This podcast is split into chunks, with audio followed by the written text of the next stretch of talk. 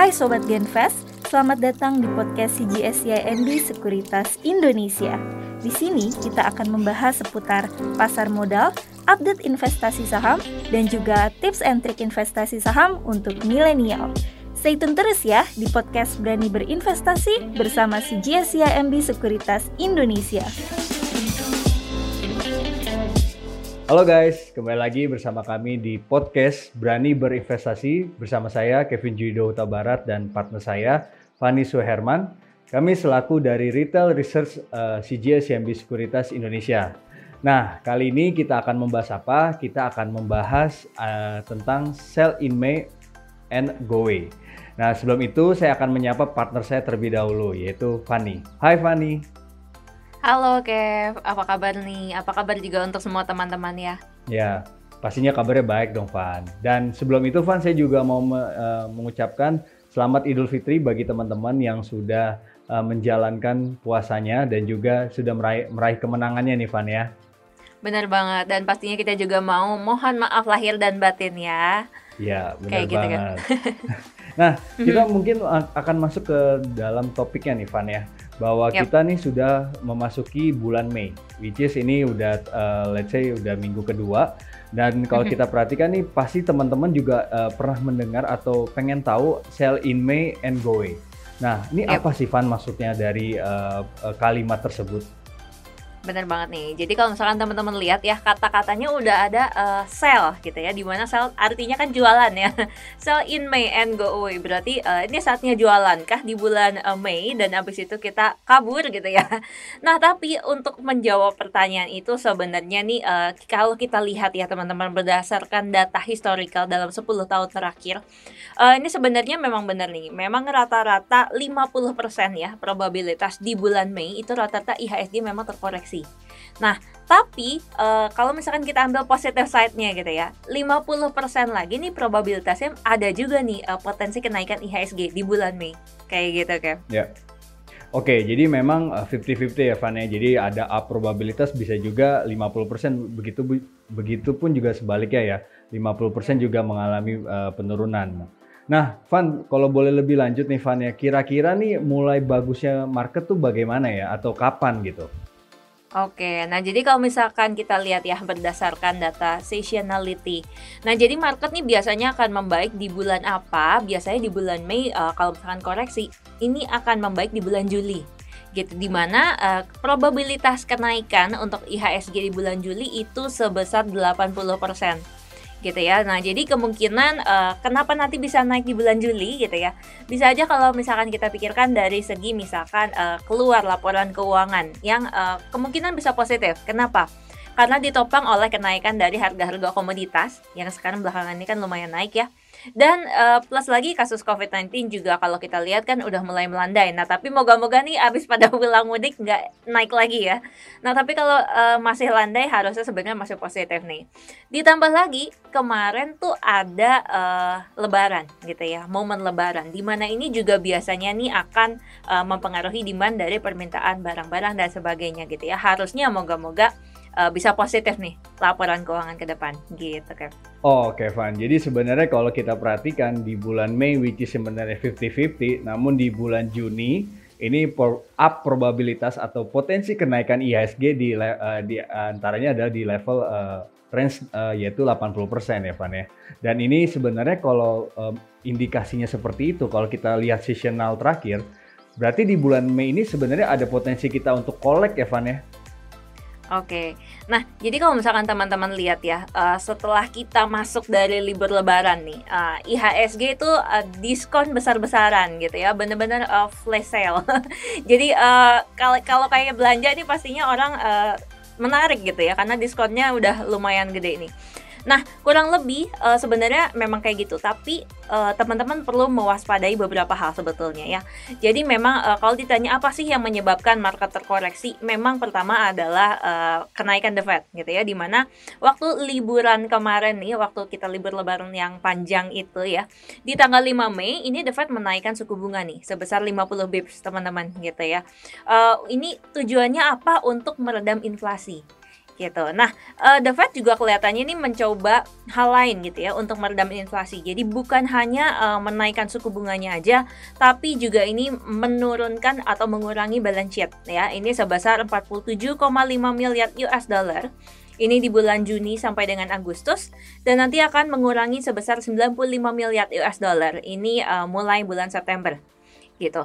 Nah, uh, kalau kita lihat sebenarnya waktu diumumkan pertama kali justru uh, mendapat apa ya, optimisme dari investor gitu ya. Malah Dow-nya ini sempat naikkan 3% waktu diumumkan uh, menaikkan 50 bips gitu. Nah, cuma memang uh, kenapa belakangan ini jadi koreksi lagi karena uh, ada kemungkinan The Fed nih akan terus menaikkan suku bunganya uh, secara agresif. Itu yang dikhawatirkan oleh investor gitu ya. Nah, jadi sebenarnya apa yang paling penting? Yang paling penting adalah justru kita harus uh, watch dari segi si inflasinya sendiri gitu. Kalau misalkan inflasi dari uh, US-nya sendiri juga uh, cukup terkendali, kemungkinan kan The Fed-nya nggak terlalu uh, agresif ya untuk menaikkan tingkat suku bunga seperti itu. Nah, uh, kalau kita lihat lagi nih ya, jadi uh, yang positif dari Indonesia apa? Ini dari segi inflow asing nih teman-teman ya. Jadi inflow asing sampai dengan bulan Maret kemarin itu uh, sudah net by the equity sebesar 1169 juta US dollar Nah ini uh, setelah melakukan net buy ini sekitar 1132 juta uh, eh, US dollar di bulan Februari 2022 ya. Jadi secara year to date itu sebenarnya net inflow asing itu sudah mencapai sekitar 2,8 miliar US dollar. Ini yang paling tinggi sejak tahun 2010 gitu ya. Nah kalau kita lihat di April juga ini uh, investornya masih membukukan net buy. Jadi uh, kalau misalkan teman-teman lihat uh, net sale yang terjadi sejak kita uh, masuk libur lebaran kemarin ya dua hari berturut-turut kan lumayan ya uh, koreksinya uh, sebenarnya net sale-nya nih nggak terlalu besar kalau dibandingkan dengan uh, akumulasi yang sudah asing lakukan gitu ya di uh, IHSG jadi kurang lebih gitu. Nah terus ditambah lagi kalau misalkan ditanya nih uh, inflow asing masuk terus kenapa sih gitu ya? Salah satunya ini sebenarnya dilihat dari uh, prospek GDP kita ke depan jadi kemarin kan memang kita udah rilis GDP nih ya, data GDP Indonesia, di mana uh, masih tetap dipertahankan di uh, sekitar 5% ya untuk GDP kita. Nah, kalau misalkan untuk GDP forecast sendiri nih, kalau kita cek di Bloomberg teman-teman ya, jadi ini rata-rata uh, untuk negara-negara lain itu mengalami penurunan forecast GDP di tahun ini gitu. Tapi untuk Indonesia ini malah stand out jadi untuk Indonesia justru proyeksi uh, Bloomberg untuk uh, GDP di tahun 2022 ini itu bisa mencapai 5,3 persen gitu ya dibandingkan dengan uh, tahun kemarin itu di 3,7 persen. Nah, di mana sebenarnya ini juga masih inline ya dengan target uh, Bank Indonesia yaitu sekitar empat setengah sampai dengan 5,3 uh, persen seperti itu untuk GDP tahun ini. Ya benar banget Evan ya. Jadi kalau kita bahas GDP nih teman-teman, kalau kita lihat dari strukturnya sendiri ya, GDP sendiri memang kalau lihat dari dalamnya memang konsumsi ya. Konsumsi ini menjadi bobot yang cukup besar juga buat pertumbuhan dari GDP-nya. Kita tahu juga bahwa sebenarnya uh, belakangan ini juga pertumbuhan dari segi uh, apa konsumsi juga agak sedikit menggeliat ya karena kita tahu bahwa di uh, kuartal 2 ini ada lebaran dan sebagainya gitu ya. Dan juga ini uh, walaupun kita lihat juga di tengah covid yang sedang melanda ini harapannya sih sebenarnya semoga konsumsinya juga terus menggeliat ya dalam arti adanya pertumbuhan uh, secara year on year ya. Itu yang pertama. Lalu juga yang kedua kalau kita perhatikan yang menarik dari Indonesia adalah selain dari konsumernya sedang uh, pot, uh, apa ya menggeliat dalam arti positif ya karena minimnya uh, atau uh, menggeliatnya kasus COVID-19, eh sorry, uh, apa landainya kasus COVID-19, kita juga ngelihat bahwasanya uh, ekspor kita juga cukup kuat. Itu juga ditenggarai bahwa harga komoditas ya, oil dan non oil ini juga mengalami uh, surplus yang cukup baik ya uh, di tahun ini ya, Van ya. Seperti itu ya, Van ya. Nah, benar banget nih, Kev. Jadi kalau misalkan kita lihat ya dari segi uh, eh, GDP nih, kira-kira ciri khas apa sih yang bisa menunjukkan bahwa memang udah mulai ada pertumbuhan ekonomi nih di Indonesia ya. Jadi pertama kalau kita lihat dari uh, kenaikan penjualan otomotif nih. Uh, untuk penjualan mobil wholesale ya di bulan Maret ini udah naik 21% uh, month on month dan juga 16% secara year on year ya. Di mana ini adalah penjualan yang tertinggi nih sejak pandemi gitu. Nah, lalu penjualan mobil mobil retail juga nggak kalah nih ya. Di bulan Maret ini naik 28% month on month dan juga 16% year on year. Dan di mana ini juga adalah uh, penjualan yang tertinggi nih kedua sejak pandemi. Seperti itu ya. Dan bukan cuma uh, ada kenaikan penjualan di otomotif aja, tapi juga ada kenaikan di loan perbankan. Ini juga menunjukkan adanya uh, pertumbuhan ekonomi pastinya ya. Jadi terlihat banget nih mulai ada uh, kenaikan kredit di bank. Ini uh, mulai bulan dari bulan Maret 2021 ya ini uh, sebesar 3,7 uh, persen dan eh sorry minus. Di Maret itu minus uh, Maret 2021 minus 3,7 persen. Dan di Maret 2022 ini malah naik ke 6,7 persen seperti itu ya. Dan juga ini disertai dengan kenaikan dari M2 money supply ini ke 13,3 persen year on year. Gitu. Dan yang menarik adalah kalau misalkan di breakdown lagi nih ya kenaikan loan yang paling besar itu ditopang dari apa sih gitu ya.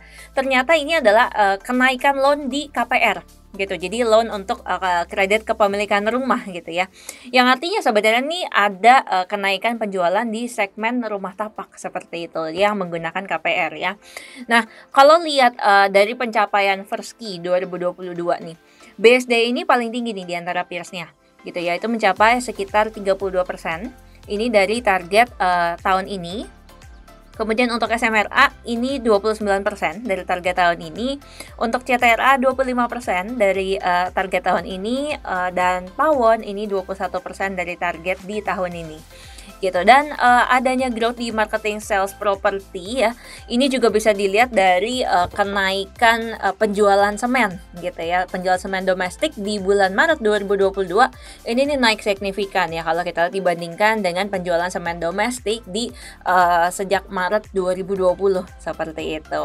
Oke, Van. Nah, kalau kita bicara Van tadi kan sempat nyebutin properti ya. Dan kalau kita perhatikan kan sebenarnya properti ini juga masih laggard ya secara year to date. Dan kalau kita perhatikan sebenarnya kan dari segi fundamental adanya pertumbuhan nih dari tahun 2021 dan juga tahun 2022. Nah, mungkin teman-teman mau bertanya nih Van, bagaimana caranya kita tahu nih saham properti yang begitu banyak ini yang masih murah nih Van? Oke, nah salah satunya ini teman-teman sebenarnya bisa ngelihat ya uh, dari mana ini dari diskon to RNFI gitu ya. Nah jadi kalau secara uh, sektoral untuk properti ini tuh punya 63% diskon untuk RNAV. Jadi diskonnya ini cari aja nih yang mana yang lebih besar diskonnya dibandingkan dengan uh, sektor secara keseluruhan untuk properti gitu ya. Nah, uh, jadi yang diskonnya di atas itu itu yang pertama ada SMRA, ini diskonnya uh, 72% tuh RNAV gitu ya. Jadi lebih tinggi daripada uh, sektoral properti. Kemudian ada BSDE, ini 69% diskon tuh RNFV dan juga CTRA ini 66% diskon untuk RNFV gitu kan. Hmm. Oke Van, thank you banget nih atas penjelasannya ya. Jadi kalau teman-teman lihat mana aja saham-saham properti yang murah, kita bisa lihat yang pertama ada Semra, yang kedua ada BSDE, lalu yang ketiga adalah CTRA menurut RNAV ya. Thank you banget nih Van atas uh, sharing-sharingnya. Yep, sama-sama kayak. Nah, gimana guys podcast kita hari ini? Seru nggak? Dan buat kalian semua, sampai jumpa lagi di podcast Berani Berinvestasi selanjutnya. Supaya kalian berani untuk berinvestasi. Nah, karena kalau nggak mulai dari sekarang, mulai kapan lagi? See ya! Bye!